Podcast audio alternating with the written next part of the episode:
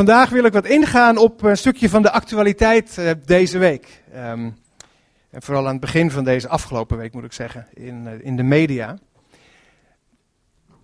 Het is leuk, uh, de week daarvoor, rond Pasen, was er al best wel veel aandacht, ook gewoon in de, in de media, voor natuurlijk de Passion. in Groningen. Um, een deel van mijn familie was daar ook nog bij trouwens, die hebben dat allemaal nog gezien. Als je de laatste scène nog ziet met Jezus die daar zingt op de grote markt, dan staat mijn zus daar net achter in beeld. Was wel grappig. Niet dat dat nou zo belangrijk is. Ze is ook wel een discipel van Jezus, dat wel. Maar, um, maar het was leuk dat ook in, de gewone, in, in het nieuws en in, in alle media werd toch gesproken over het verhaal van het sterven van Christus. En uh, ook al ben je het misschien niet helemaal eens met de manier waarop die interpretatie dan wordt uh, wordt getoond op televisie. Ik, ik, ik ben er wel heel enthousiast over, om eerlijk te zijn. Gewoon omdat mensen erover spreken. Mensen horen weer van, oh ja, Jezus, wie was dat? Um, leuk. En het begin van deze afgelopen week was door uh, het Centraal, um, hoe heet die club ook weer? Uh, het Sociaal en Cultureel Planbureau was er een, een, een rapport um, vrijgegeven. En dat had alles te maken met geloven binnen en buiten verband. Gewoon met de kerk. Hoe gaat het met de kerk? En um, daar stond uh, op maandag al in Trouw een heel artikel met de kop Vertrouwen in kerk in 20 jaar niet zo laag. Ik ga er even wat uit citeren. Ik zat op mijn kantoor van de week best wel wat uurtjes te werken. En heb ik soms, uh, heb ik ook uh, soms Radio 1 even aanstaan. En um, toen was er, dezelfde ochtend was er nog bij Stand.nl was er een, discussieprogramma ook over hetzelfde thema. De stelling die daar werd neergezet, de kerk is een verouderd instituut. En s'avonds, wat later op de avond, bij Pauw en Witteman. En ik, Piet heeft dat nog naar een aantal van jullie ook doorgestuurd per e-mail op woensdag. Ging het er ook over. En dat had dan weer een iets andere insteek. Maar ik vind het leuk dat ook dit soort dingen gewoon besproken worden. En ik ga daar ook vanochtend um, ga ik daar eens wat op reageren samen met u. En dan gaan we ook eens kijken van ja, in hoeverre gaat dat ons wat aan? Ik denk dat is een, uh, een goede vraag. Ja, want ook wij als gemeente zijn ja, ook in een, in een, in een stukje transitie. Ja, gewoon door de, door de situatie waar we ons in bevinden. En dan is het altijd goed om ook na te denken van ja, uh, wat is de essentie ook van gemeente zijn? En uh, doen we ertoe? Dus daar wil ik gewoon vanochtend eens wat uh, met u over spreken. Goed, enkele citaten uit dat artikel gepubliceerd in Trouw afgelopen maandag. U kunt trouwens het boek kopen, kost iets van 20 euro. Ik zag het al even bij de Bruna, ik heb het zelf nog niet aangeschaft. Uh, ga ik wel doen, heel interessant. Geloven binnen en buiten verband. Goed, het vertrouwen van Nederlanders in de kerk is de afgelopen twintig jaar nog niet zo laag geweest als nu. Ik had het iets groter moeten printen. Ik dacht er nog aan gisteren toen ik het had geprint van, oh rats, ik had het beter iets groter kunnen doen. Dan heb ik mijn bril niet nodig. Goed, verder is het percentage dat lid is van een kerk sinds 1970 met de helft afgenomen. De teruggang was het grootst onder Rooms-Katholieken. Dit meldt dus het Sociaal en Cultureel Planbureau. En zij doen om de zoveel jaar doen ze ook onderzoek naar deze dingen. Ze gebruiken daar een hele rits aan andere onderzoeken ook weer voor, om dat, als het ware, uh, om daaruit te, uh, gewoon gegevens te ontlenen. Nog iets interessants. Het Sociaal Cultureel Planbureau zegt in het onderzoek dat het erop lijkt dat kerken voor steeds meer mensen een soort openbare nutsbedrijven zijn. Daarmee wordt bedoeld dat er gebruik van wordt gemaakt als dat nodig is. Bijvoorbeeld voor huwelijken, begrafenissen. En dat steeds minder mensen hun activiteiten voortdurend op de kerk afstemmen. Heeft gewoon dat onderzoek opgeleverd. het is leuk, pas reed ik met Oela ook nog weer ergens in den landen, ik weet niet precies wanneer het was reden we voorbij een bestelwagen, of nee, die kwam ons voorbij. Rentapriest.nl. En ik wist wel dat er ook zoiets was. Hè? Gewoon een website waar je, als je een dominee nodig hebt voor een een of andere iets. Dat kan een huwelijk zijn of een uh, begrafenis. Dan kun je gewoon even via het internet kun je er een huren. Um, dus die spelen daar ook goed op in. Hè? Dat, dat nutsbedrijven idee. Als je ze nodig hebt, dan uh, trek je aan de bel. In 1970 rekende nog ruim 60% van de bevolking zich tot een kerkgenootschap. Uh, in 2012, dus dat is uh, recentelijk, was dat nog maar 30%. Kerkbezoek nam even goed rap af. In de jaren 60 ging nog de helft van de Nederlanders regelmatig naar de kerk. De helft. En um, nu is dat nog maar 10%. Maar er was ook een lichtpuntje. Oké. Steeds, ik heb u gehoord. Steeds minder jongeren bezoeken de kerk, maar de jongeren, ja, steeds minder jongeren bezoeken de kerk, maar de jongeren die dat wel doen, gaan juist vaker en zijn ook strenger in het volgen van de kerkelijke voorschriften. Prachtig. En dan gaat het ook nog over de comeback van hel en duivel. Klaarblijkelijk ook hebben ze dat uh, wat onderzocht. Dus die thema's die worden ook weer belangrijker. En dan wordt hier ook even samengevat, en daar ben ik het eigenlijk eh, wel mee eens, en dat geldt zeker voor Nederland, dat uh, de kerk wordt kleiner en orthodoxer. Nou, dat moet ik even uitleggen. Ik denk, en puurder. Degene die nu nog in de kerk zitten, of die, die de, de fellowship, de gemeenschap opzoeken van andere gelovigen um, op zondag, dat zijn niet meer de mensen die dat zomaar doen vanuit een stukje cultuur. dat, dat gebeurde twintig jaar geleden nog. Maar ik denk vandaag de dag steeds meer zullen mensen dat doen omdat ze echt Christus willen navolgen. En dan blijven dus de mensen die overblijven, die, ja, die zijn puurder, om het even zo te zeggen. Ja, meer gelovig, uh, orthodox, allemaal van die vreselijke woorden op zich. Maar ja, gewoon echt meer, echt, ja, uh, ja, echt met een levend geloof in God. Dus dat is weer eigenlijk wel weer iets goeds. Nou, het radioprogramma ging erover, dus de kerk is een verouderd instituut. 62% was het ermee eens. Nou, dat is altijd leuk met dat soort panels. 38% oneens. Nou, dat, uh, dat is verder niet zo heel belangrijk, dat uh, statistiekje. Maar een observatie, hè, de afname van de kerkgang betekent niet dat we daarmee massaal ongelovig worden. Ik denk dat is ook zo. Moet de kerk vernieuwen? Of is de oude traditionele kerk goed zoals die is? Nou, daar werd heel leuk over gediscussieerd op de radio. En dan maandagavond werd er een iets andere insteek gekozen bij Pauw en Witteman. Ik moet u zeggen, ik kijk het eigenlijk nooit. Uh, ik kijk helemaal niet zo gek van tv. Maar ik heb wel even um, dit stukje eh, op uitzending gemist bekeken. Nog voordat Piet het had rondgestuurd, omdat mijn aandacht natuurlijk hierop was gevestigd. En daar uh, werd ook vooral dus gesproken over die christelijke jongeren. Die eigenlijk um, fanatieker worden. En ze worden zelfs neo-fundamentalisten genoemd. Nou, dat werd ook heel leuk even besproken met een paar van die gasten. Uh, jonge, jonge christenen inderdaad aan tafel bij Pauw en Witteman. En ik denk dat hij daar op een hele leuke manier eigenlijk liet zien van... Hey, het, het, uh, godsdienst, het geloven, is niet iets wat je per se op zondag in de kerk doet, maar dat is iets wat eigenlijk bepalend is voor je leven, voor je relaties, voor de keuzes die je maakt.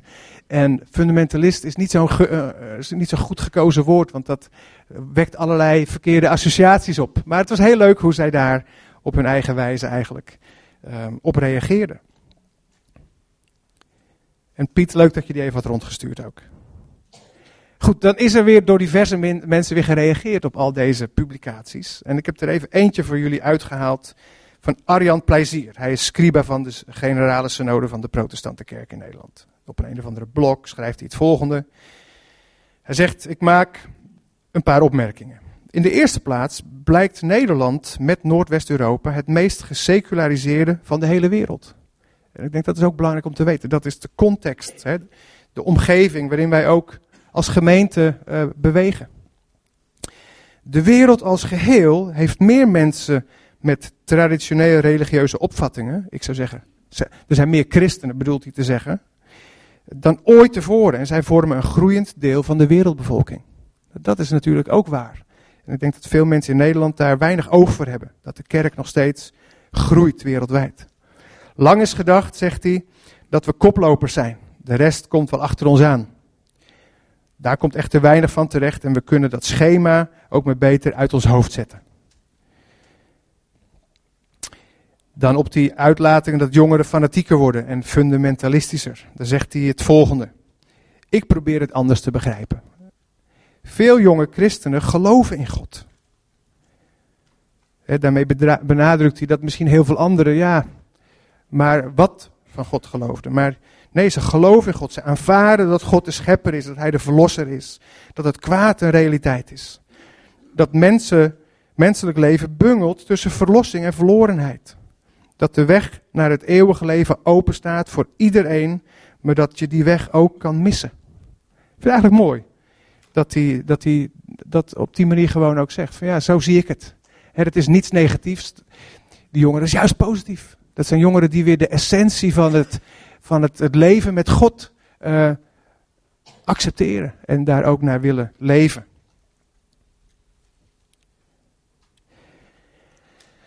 Ja, en dan denk je, want dat, dat raakt mij wel, hè, als je zulke soort dingen ook hoort, van de kerkgang is helemaal achteruit en uh, het lijkt er allemaal niet meer zo toe te doen.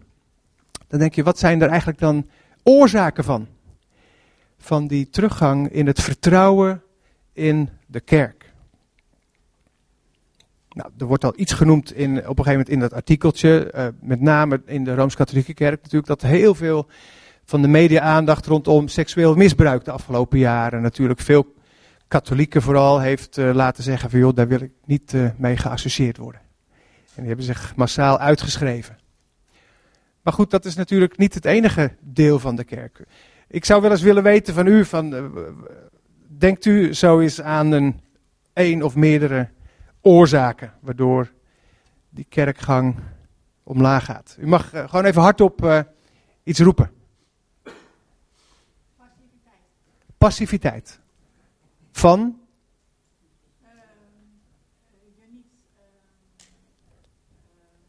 Je zingt blij liederen, maar je uit je niet blij. Oké, dus passiviteit bij de christenen. Ja. Oké. Okay. Mm -hmm. Anderen? Individualisme, ja. Ik denk ook heel belangrijk om. Uh, dat vind ik een uh, tante Jannie, was het altijd, hè? Tante Beb zeiden we vroeger altijd toen we op de jeugdgroep zaten, tante Beb. Terwijl ze tante Jannie heet. Goed punt. Veel meer mensen die doen gewoon wat ze zelf eigenlijk gewoon prettig vinden. En uh, ik denk bijvoorbeeld voor ook ja, het, het, leven in een geloofsgemeenschap. Ja, heel veel mensen hebben zoveel andere dingen die verdringen gewoon ook hun gemeenschap met de medegelovigen. Dus dat heeft ook te maken met een stukje individualisme. Anderen die nog daar een idee over hebben. En misschien ook verwatering van de boodschap? Dat meer of meer uitgelaten wordt? Heel goed punt. Verwatering van de boodschap. Ik denk uh, dat inderdaad in veel uh, kerken het evangelie niet meer wordt verkondigd. Ik vind dat een heel belangrijk punt. Andere. Welvaart. Welvaart. Ja. meer mensen die moeten uh, vechten om het boven Ja, Mark, welvaart. Dat we inderdaad uh, een, bepaald, een, bepaalde levensstijl in stand uh, willen houden. Ik denk, daar zit een andere kant ook aan. Doordat het zo goed gaat, hebben mensen ook God niet meer nodig. Althans, dat denken ze natuurlijk. Um, Ja, Lenny, dankjewel. We laten te weinig de liefde van God zien in woord en in daad. Uh, ik denk dat het, uh, het licht niet meer zo erg schijnt vanuit de christenen. En ook vanuit de, de, de kerk die een geloofsgemeenschap van christenen samen vormt. Dus even kijken hoor. Of ik er eventueel nog iets bij had staan. je ziet al heel lang dat ook doordat de dat doordat mensen um, uh, meer, um, uh, ja, zich meer ontwikkelen, dat ook de reden meer ontwikkelt, dat, dat soms ook wel eens wordt gedacht van ja, dat, dat, dat christelijk geloof is eigenlijk voor onderontwikkelde mensen. Hè? Als je goed nadenkt, dan, uh, dan blijft dat niet staan. Dat is, ook een, dat is denk ik ook een, een, een gevolg gewoon van de reden die, He, van mensen die veel studeren, die dan zoiets hebben, met een bepaalde kritiek kijken naar um, het christelijk geloof en naar Jezus. Ik denk ook dat soms gebrek aan goed leiderschap in de kerk ook een oorzaak is. He, gebrek aan visie, gebrek aan het ontwikkelen van leiders. Um, en dat, maar goed, dat zijn ook allemaal hele, hele lastige dingen en ook reële. Uh, reële dingen. Nou, schandalen in de kerk, soms conflicten in de gemeente. Daar weten we wat dat betreft ook wel het een en ander van. En goed, ehm, je kunt er niet altijd wat aan doen. Maar het zijn wel, denk ik, oorzaken waardoor op een gegeven moment mensen afhaken. Of dat ons licht inderdaad niet fel genoeg meer schijnt, dat we niet aantrekkelijk zijn ook als gemeenschap voor mensen van buiten. En dat verschilt natuurlijk per lokale gemeente. Ik heb daar natuurlijk dan ook eens wat over nagedacht. Wat, wat is nou eigenlijk de essentie van, van kerk? En ik, ik, denk dat u daar allemaal ook wel een bepaald beeld bij hebt. Ik, ik, zou dat eigenlijk in drie punten heel kort even willen noemen voordat ik uh, verder ga met een aantal andere dingen. Ik denk de essentie, en ik las een heel mooi regeltje, de essentie van kerk. Uh, kerk vindt plaats waar uh, mensen rondom Jezus samenkomen. Waar mensen rondom de persoon van Jezus samenkomen. Daar gebeurt kerk. Ik vind het prachtig. Het gaat uiteindelijk om de persoon van Jezus. En dan, dan is er eigenlijk een outflow uit dat je een, een soort gemeenschap krijgt van gelovigen. Die uh, in, de, in, de, in de liefde, die ook in, in God zelf is. Die is eigenlijk ook al een soort community, hè, een gemeenschap. Vader, Zoon, Heilige Geest met een gevende liefde naar elkaar toe. Daarin volgt ook een community, een gemeenschap van gelovigen. Dus ook in het hart van een kerk. Hè. Het is mensen die rondom de persoon van Jezus samenkomen, dan ook een, een community of love gaan vormen. Een, een gemeenschap waar liefde woont. Ik denk het derde aspect, dat is ook weer een uitvloeisel van het, het kennen, het liefhebben van Jezus, is dat de dingen die voor hem belangrijk zijn, worden ook voor ons als community, als gemeenschap belangrijk. En dat is ook zijn missie voor deze wereld. Hij, hij verlangt ernaar dat geen mens verloren gaat. Dat is zijn, zijn agenda, zijn droom, zijn passie. Dus ik geloof dat in het hart van de, van de kerk hebben we een ontmoeting met en rondom de persoon van Jezus. We hebben de gemeenschap van de heiligen, om het maar even zo te zeggen, waar, waar liefde woont. Um, en we hebben eh, de, de opdracht van Jezus om het evangelie bekend te maken. Die drie dingen, denk ik, zijn allemaal in het hart van de gemeente. Als ik dat dan even op een andere manier zou zeggen, dan, dan denk ik aan een gemeenschap van gelovigen die samenkomt rondom Jezus. In aanbidding, in viering, en onder andere het avondmaal hoort daar ook bij. om elkaar te onderwijzen, te bemoedigen, elkaars lasten te dragen elkaar te steunen, maar ook te bidden en een getuigenis, een lichtend getuigenis te zijn in de wereld. Dus ik denk niet in eerste plaats aan een activistische groep. want als je heel activistisch bent, alleen maar missie, missie, missie, missie, dan kan je ook de, de gemeenschap met elkaar verliezen.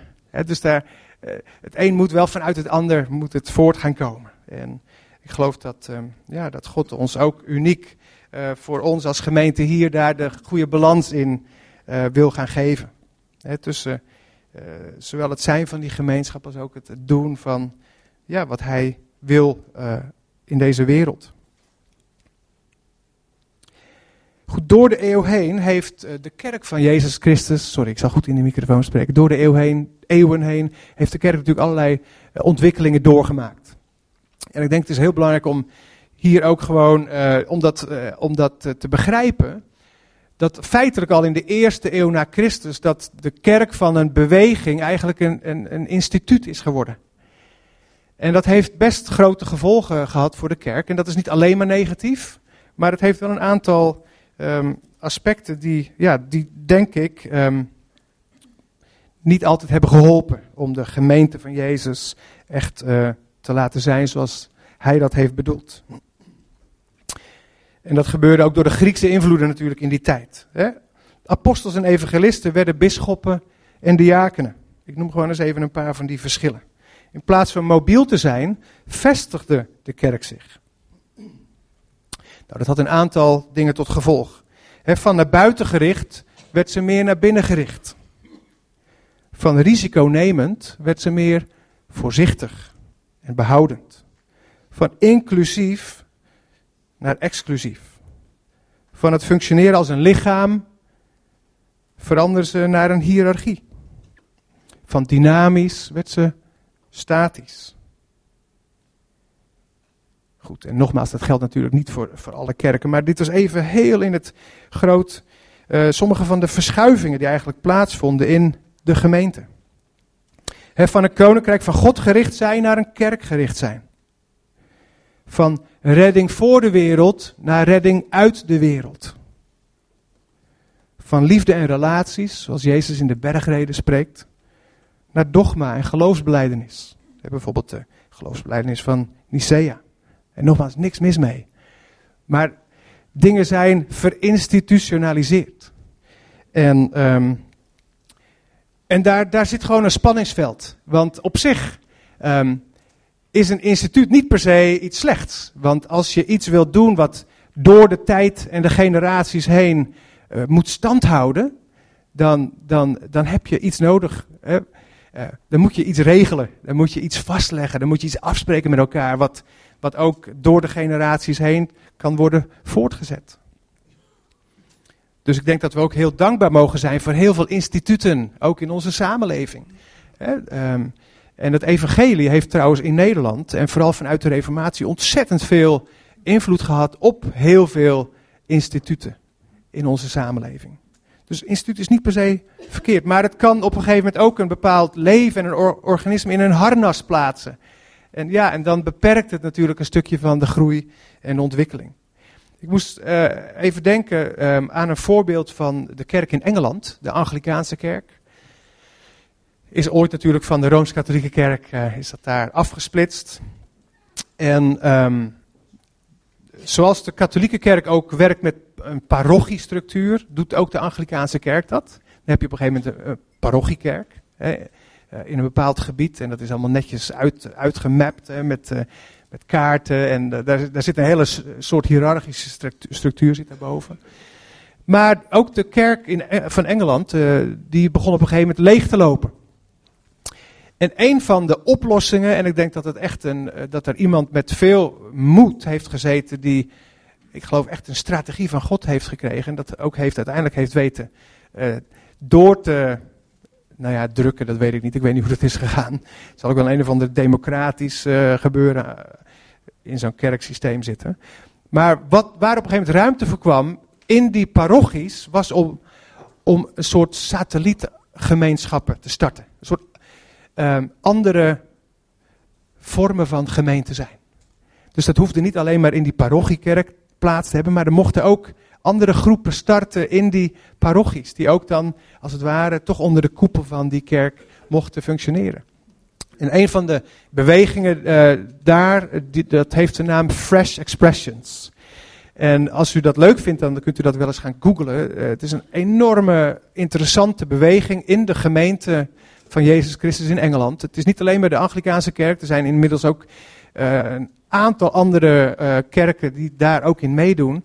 En daar gebeuren allerlei ontzettende leuke uh, dingen. Ze hebben kerken in cafés, ze hebben wat ze noemen messy church. Dat is ook met alle kinderen, die lopen daar gewoon te kleuren en te spelen. En waar ook gemeente plaatsvindt. En het is een booming beweging. waarbij dus heel veel mensen ergens vinden, een, een, thuis, een thuis vinden en ook een plek vinden van het samenkomen rondom de persoon van Jezus. De dingen die ik net zei, die drie essenties die zij daar ook proeven. Dus door in de structuur van het instituut daar gewoon ruimte te geven, ontstaan er allerlei prachtige dingen. Maar goed, dus de spanning tussen instituut en beweging. Tussen organisatie en organisme. Ik wil heel graag met, met, uh, met jullie een moment gaan kijken naar enkele woorden van Jezus zelf.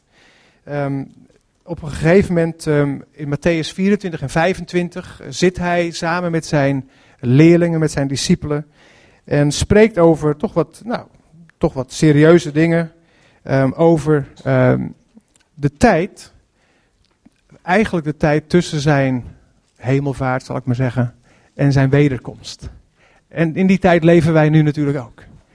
Um, hij spreekt over het koninkrijk van God, maar ook over de terugkomst van de mensenzoon, de wederkomst. En ik geloof dat Jezus daar een aantal dingen wil zeggen tot zijn gemeente. En dat is, dat is nog maar een klein clubje op dat moment. Dingen waar we wat aan hebben. Om ook gedurende de eeuwen, en, en we, niemand wist toen hoe lang dat zou, hoe, lang dat zou uh, duren maar om uh, ons te helpen um, wat handvatten te hebben of wat instructie van Jezus zelf te krijgen. Van dingen die ons een, een gemeenschap kunnen laten blijven. Uh, die ook ja, is voorbereid op de dingen van God. Die ook de dingen van God mag doen. ik denk dat Jezus dacht van nou dit is toch ook wel belangrijk voor mijn discipelen om te weten. Voordat ik uiteindelijk naar mijn vader wegga. En dan um, in hoofdstuk 24, waar straks ga ik 25, ga ik even een stukje echt met u lezen. Bij een hoofdstuk 24 van Matthäus uh, wordt vooral gesproken over de verdrukking en de vervolging. En dat is best een beetje een donker stukje als je dat leest. En um, ik denk een, een, stukje van de interpretatie daarvan is al uh, echt al heel kort na het overlijden van, van Christus is ook zo uh, geïnterpreteerd. Want toen kwam op een gegeven moment natuurlijk de val van Jeruzalem in 70 na Christus.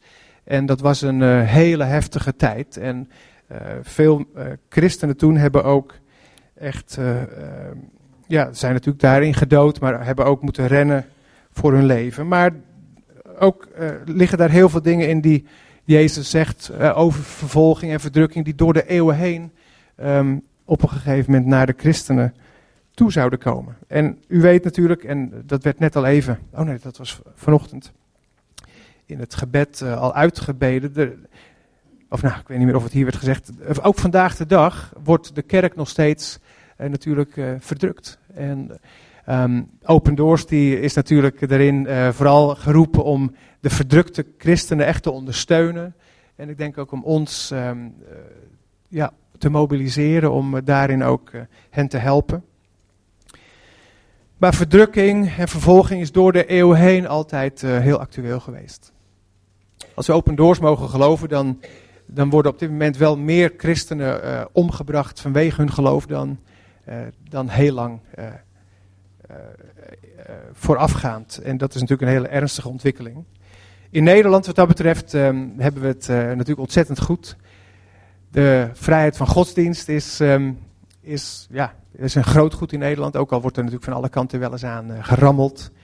Ook de vrijheid van, van pers, hè, persvrijheid. Gisteren was het uh, internationale dag van de persvrijheid. Er was ook net van de week nog een berichtje in de krant dat Nederland samen met Noorwegen en Zweden op nummer 1 staat als het gaat om persvrijheid. Nou, dat is natuurlijk anders dan godsdienstvrijheid, maar er, ligt, er zit wel een soort correlatie. Hè. Er is gewoon heel veel ruimte in Nederland om gewoon te beleiden of te zeggen wat je wil. En dat is op zich ook natuurlijk voor ons is dat heel mooi. Het is heel bijzonder dat wij gewoon overal samen kunnen komen in Nederland om uh, Jezus te aanbidden.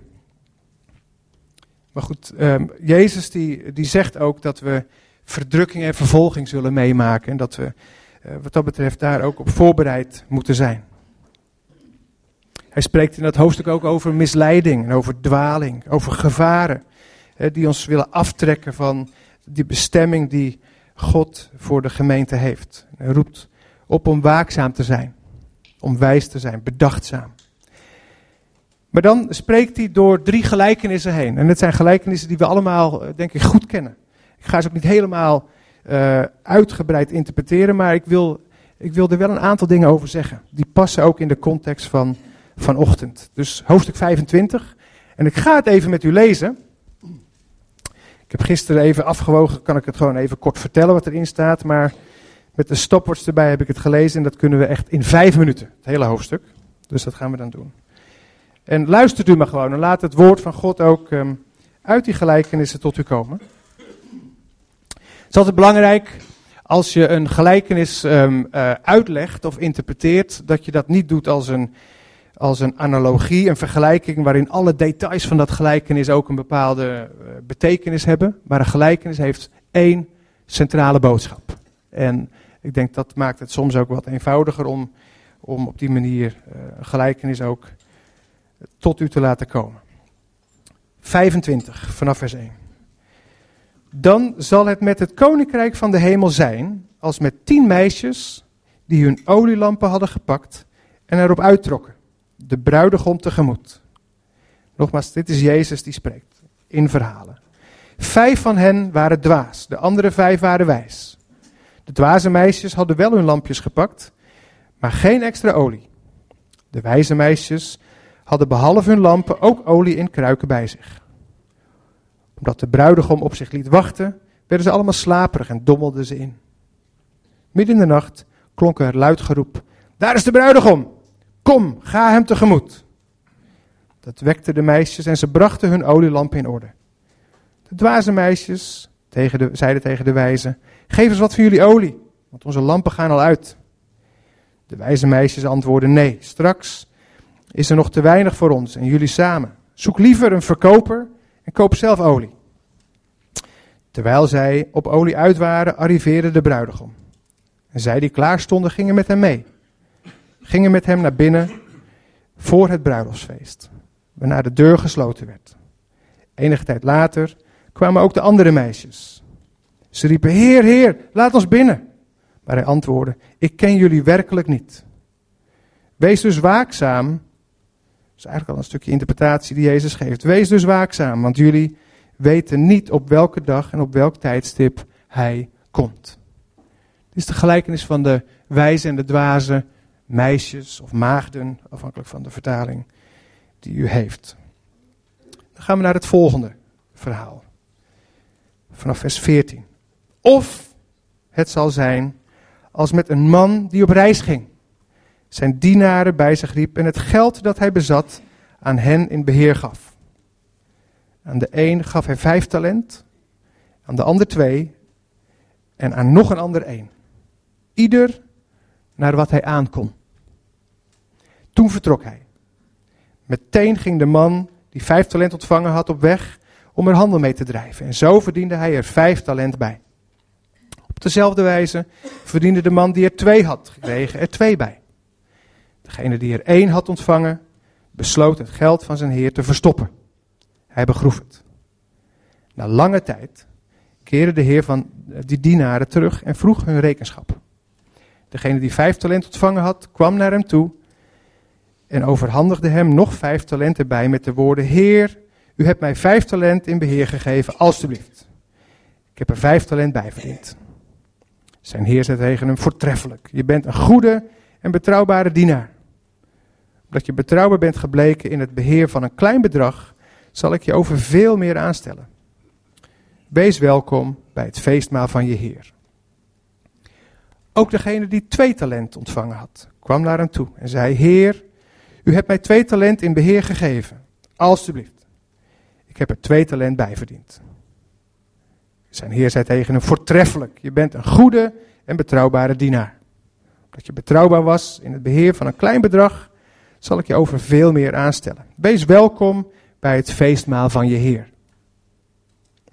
Nu kwam ook degene die één talent ontvangen had naar hem toe en zei: Heer, ik wist van u dat u streng bent. Dat u maait waar u niet hebt gezaaid en oogst waar u niet hebt geplant. En uit angst besloot ik uw talent te begraven. Alsjeblieft, hier hebt u het terug. Zijn heer antwoordde hem: Je bent een slechte lafferdienaar. Je wist dus dat ik maai waar ik niet heb gezaaid en oogst waar ik niet heb geplant. Had mijn geld dan bij de bank in bewaring gegeven, dan zou ik bij terugkomst mijn kapitaal met rente hebben terugontvangen. Pak hem dat talent maar af en geef het aan degene die er tien heeft. Want wie heeft, zal nog meer krijgen. En wel in overvloed. Maar wie niets heeft, hem zal alles wat hij heeft nog worden ontnomen. En die nutteloze dienaar gooi die eruit. In de uiterste duisternis. Waar men jammert en knarsetand. Dat is het tweede gelijkenis. Over de talenten. Gaan we nu naar de derde. Die gaat over de bokken en de schapen vanaf vers 31. Wanneer de mensenzoon komt, omstraald door luister en in gezelschap van alle engelen, zal hij plaatsnemen op zijn glorierijke troon. Dan zullen alle volken voor hem worden samengebracht. En zal hij de mensen van elkaar scheiden, zoals een herder de schapen van de bokken scheidt. De schapen zal hij rechts van zich plaatsen, de bokken links. Dan zal de koning tegen de groep rechts van hem zeggen: Jullie zijn door mijn vader gezegend. Kom en neem deel aan het koninkrijk, dat al sinds de grondvesting van de wereld voor jullie bestemd is. Want ik had honger en jullie gaven mij te eten. Ik had dorst. Jullie gaven mij te drinken. Ik was een vreemdeling en jullie namen mij op. Ik was naakt en jullie kleden mij. Ik was ziek. jullie bezochten mij. Ik zat gevangen, jullie kwamen naar mij toe. Dan zullen de rechtvaardigen hem antwoorden: Heer, wanneer hebben wij u, u hongerig gezien en te eten gegeven, of dorstig en u te drinken gegeven? Wanneer hebben wij u als vreemdeling gezien en opgenomen, u naakt gezien en gekleed? Wanneer hebben wij gezien dat u ziek was of in de gevangenis zat en zijn we naar u toegekomen?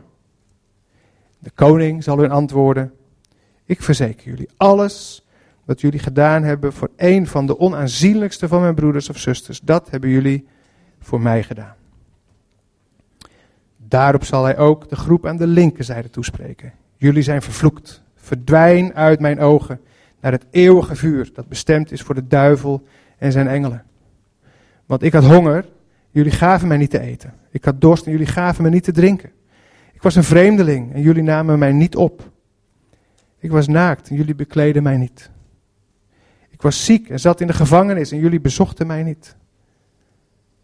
Dan zullen ook zij antwoorden: Heer, wanneer hebben wij u hongerig gezien of dorstig, als vreemdeling of naakt, ziek of in de gevangenis? En hebben wij niet voor u gezorgd? En hij zal hun antwoorden: Ik verzeker jullie, alles wat jullie voor een van deze onaanzienlijke niet gedaan hebben, hebben jullie ook voor mij niet gedaan. Hun staat een eeuwige bestraffing te wachten. De rechtvaardige daarentegen het eeuwige leven.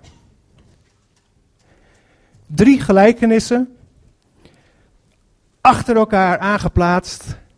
Uh, en Jezus die probeert zijn discipelen daardoorheen iets belangrijks te zeggen. Nogmaals, al in hoofdstuk 24 spreekt hij over het feit dat ze waakzaam moeten zijn. Ja, ook tegen de verleidingen en tegen de valse messias, de dwalingen. Wees waakzaam. Wees wijs. Wees bedachtzaam. Eigenlijk zegt hij diezelfde dingen in de gelijkenis van de wijze en de dwaze maagden. Wees waakzaam. Wees voorbereid. Ik geloof ook dat hij zegt, wees verwachtingsvol. Als het gaat om de komst van de meester. Je hebt daar een verwachting over. Maar waak en bid. Blijf scherp. Stel niet uit. Denk dat Jezus die dingen ook vandaag nog steeds aan ons zegt. Van wees waakzaam. Stel niet uit van, ah, dat komt later wel. En dat hoor ik wel eens van mensen dat zeggen, ja, als ik uh, tegen de tijd dat ik uh, zal gaan sterven, dan ga ik, uh, ga ik echt serieus met God leven. Ehm, wacht er niet mee. Wees elk moment bereid. Gelijkenis van de talenten. Denk dat we dat ook allemaal wel kennen. God heeft u talenten gegeven naar vermogen. Lazen we net. Naar vermogen. Om daar wat mee te doen. Om dat te investeren voor het koninkrijk van God. Hij wil daar een rendement op zien. Hij heeft u daarmee gezegend. Niet voor uzelf, maar ook voor deze wereld.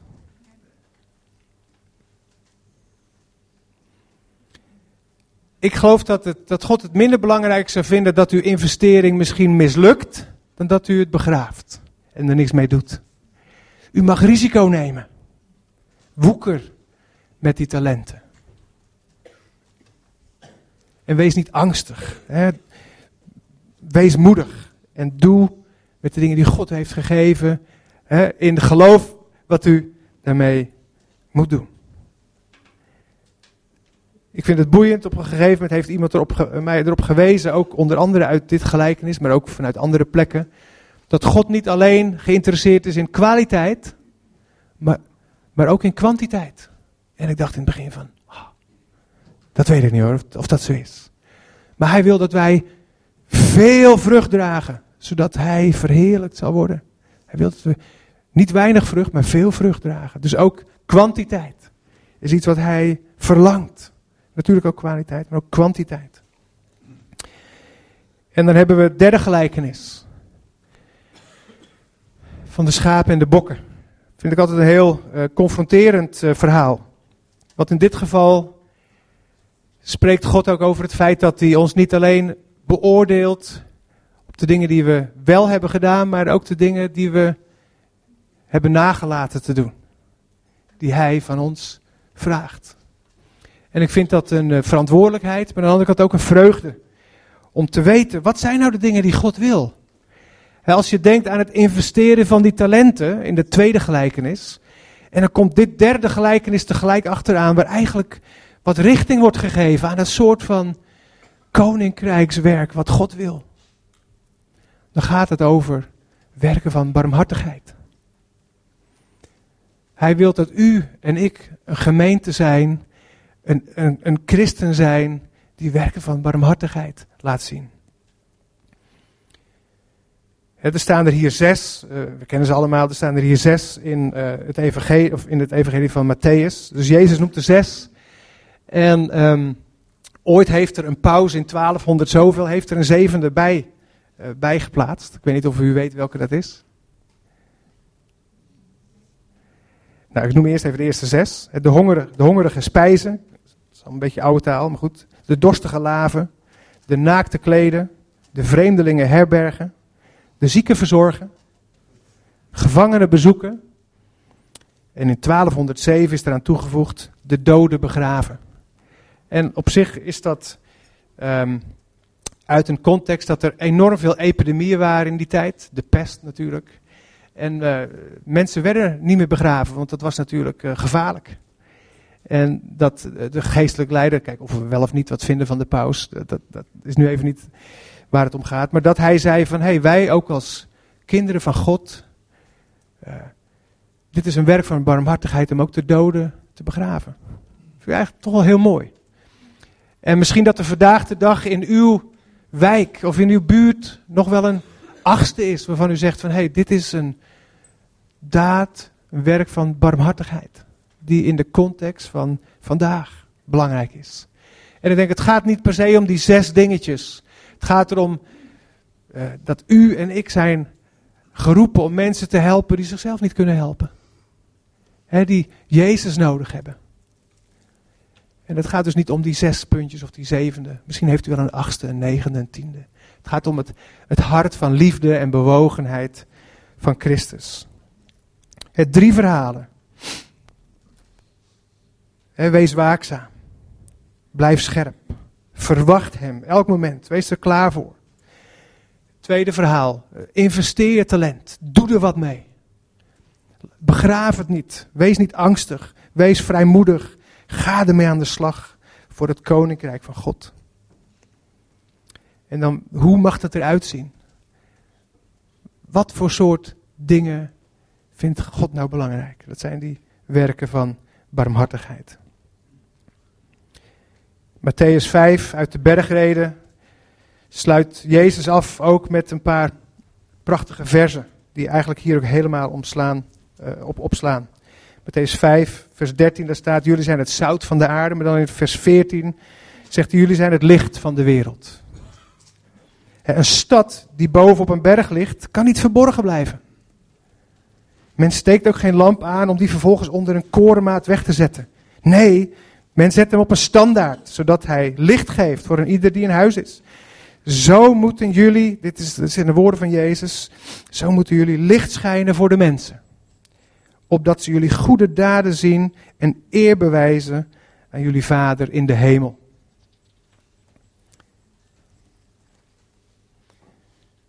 Wanneer de kerk door de eeuwen heen naar binnen gericht raakt, gaat het slecht met de kerk. Dat is als het ware als, als een licht die onder die korenmaat verdwijnt. Dan doet het licht niet waartoe het is bedoeld. In een ogenblik wil ik een lied laten horen en dan kunnen we het ook op, uh, op het scherm uh, gaan zien, die hier ook alles mee te maken heeft. Maar ik denk het is belangrijk om uh, te weten dat ook vandaag de dag in Europa, ook al, hebben we het, ook al hebben we het zo goed, dat we toch ook in een tijd van crisis leven. En dat is een economische crisis, maar ook een politieke crisis, uh, sociale crisis, religieuze crisis, milieu. Ik bedoel, veel verschillende crises waar we gewoon ook hier in West-Europa mee te maken hebben. Nou, de laatste weken geeft de Oekraïne natuurlijk ook niet echt een, een goed gevoel. Er zou maar zo weer een nieuwe koude oorlog kunnen uitbreken. Maar Jeff Fountain, een van uh, mijn collega's, um, die heel erg ook op Europees niveau bezig is, die zegt: Als het crisis is, dan roept God juist ook op ons om in beweging te komen. En ik denk dat u en ik hebben een aantal sleutels. Misschien niet voor op het Europese niveau, maar misschien wel voor Boskoop, misschien voor in uw straat. En hoe kunnen wij dan uh, in de, in de, bijvoorbeeld straks als, als het hele zorgsysteem inderdaad gaat veranderen, hoe kunnen wij, uh, er waar misschien wel mensen uh, verstoken zullen gaan worden van zorg.